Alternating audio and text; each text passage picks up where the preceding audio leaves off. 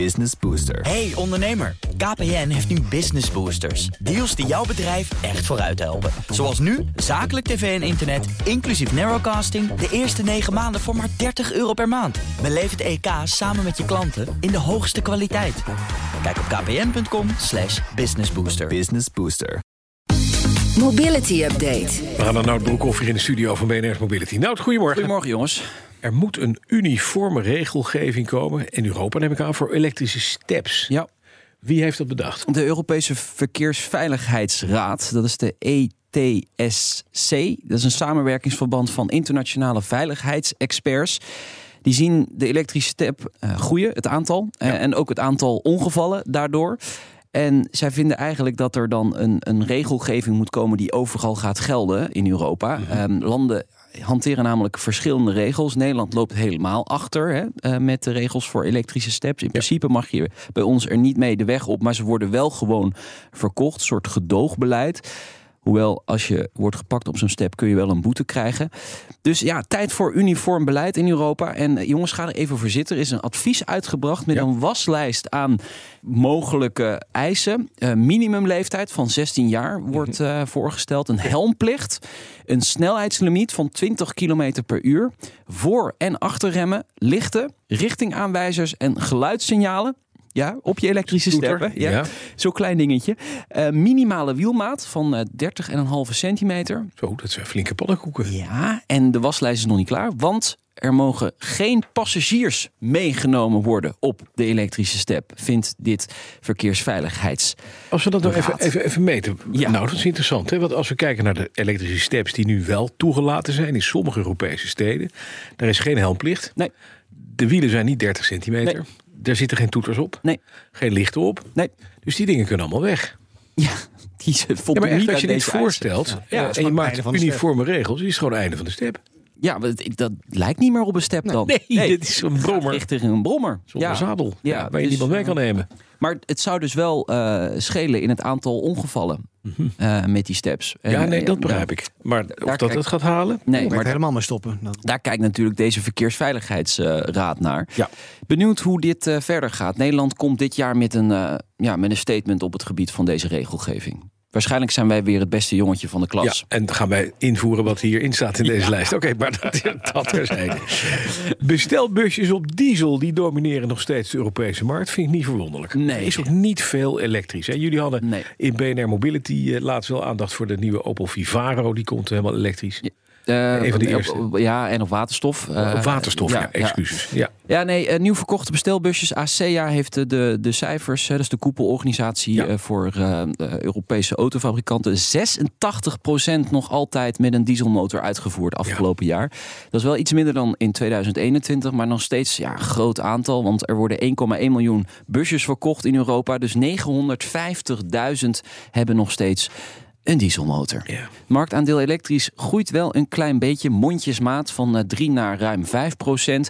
Ja, de conclusie is inderdaad eh, dat het nog niet eh, aantrekkelijk genoeg is hè, om over te stappen naar volledig elektrisch. Het aanbod eh, valt nog tegen. Eh, de prijs is natuurlijk een probleem. Te duur. En de actieradius te weinig eh, range. Dus ja. ja, daar is echt nog wel een hele grote weg te gaan. Nou, lange nog. weg te gaan. Ja. Dan rijden mannen vaker om voor goedkope brandstof. Ja, en hoe jonger ze zijn, hoe sneller dat ze dat willen doen. Het gaat om een eh, onderzoek van acties.nl onder ruim duizend eh, Nederlanders met een eh, rijbewijs. En ja, wat ik zeg, dus hoe jonger, dus tussen de 18 en 29 jaar, is eh, 30% van de mannen bereid om minimaal een half uur om te rijden als de eh, brandstof ergens anders eh, goed, eh, goedkoper is. Hoe ouder we worden, hè, tussen de 30 en de 39 jaar, is het al 20%. En dan neemt het verder af naar 17 en eh, 60 jaar en ouder is 13%. Ja, Bas. eh, Ik ben nog jong van lijf en leden, merk ik. Ik Ja. lachend om. ja, ik, zoek, ik zoek het uit gewoon. Ik weet wel waar ik heen ga. Ja. ik uh, benzine zoek. Ja. Een Je hebt ook half van- Je hebt ook van die idioten die gaan heel ver omrijden. Dat het voordeel daarmee alweer gelijk Zo'n idioot ben ongedaan wordt nee, gemaakt. Nee, Ja, precies. Dat moet je dus niet doen. Nee. Nee. Maar het is nou, wel, wel leuk. Fijn onderzoek. Het is onderzoek voor het onderzoek. Hè? Pak je toch even mee voor bij ja, absoluut. Ja.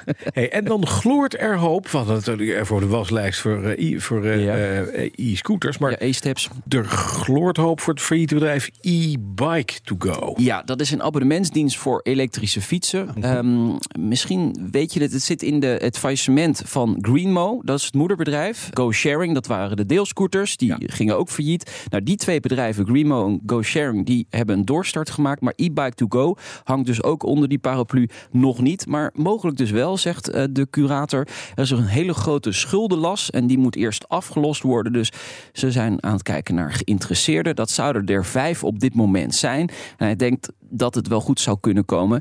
Hij geeft nog tot eh, donderdag of vrijdag om een bod uit te brengen. En dan weten we dus of ook e-bike to go uit die ja, failliete boedel van Grimo eh, een doorstart krijgt. Ik snap dat abonnementsdienst wel voor e-bikes trouwens. Want kijk, ehm, e-bikes zijn ook vrij prijzig. eh 2000, 2500, 3000 euro.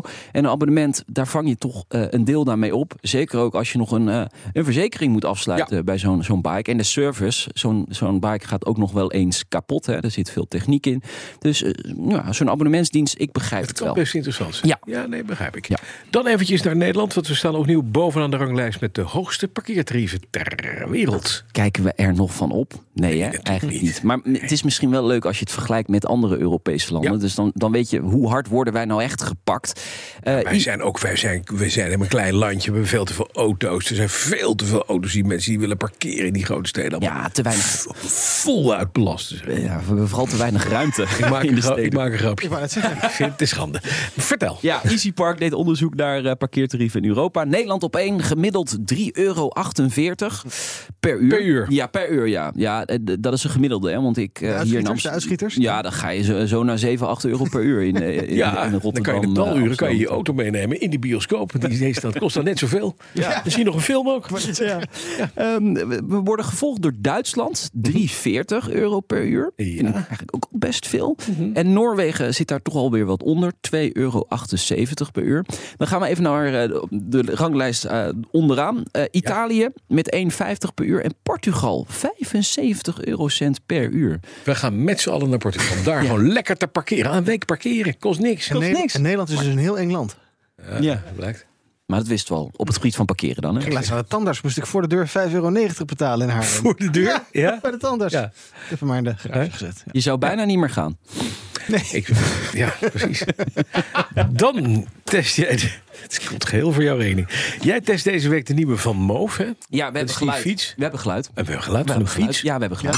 Kijk, daar gaat Wil ik Jee, wat een geluid. Ja, Ja, ja, ja, tien Ja. ballen. Ja. Is een elektrische fiets dit? Ja, de S5 van, eh van Moof. Daar werd je vroeger op afgekeurd als je het leger in ging. Ja, S5. S5? Zo. Heeft hij al, heeft hij al, heeft hij al problemen? Ligt hij al aan geruzelement? Nee, en moet ja, je maar is- maanden ja. wachten tot hij hersteld wordt? Ik wist dat jij erover zou beginnen. Ja. Ja, dat, dat is nu het, het imago van, eh Ja, van. Al die zijn kapot. Nou, ze hebben een flinke technische upgrade gekregen nu. Hè? Ja, Dus, de bel eh, doet het nu. De bel doet het. nee, er zit een krachtensensor in. Dat is wel echt interessant. Hè. De meeste e-bikes gaan met een rotatiesensor. En dit is Ja. een krachtensensor. Dus hoe meer kracht je zet, hoe sneller die opschakelt. Dus dat, dat is op zich wel een mooie technologie.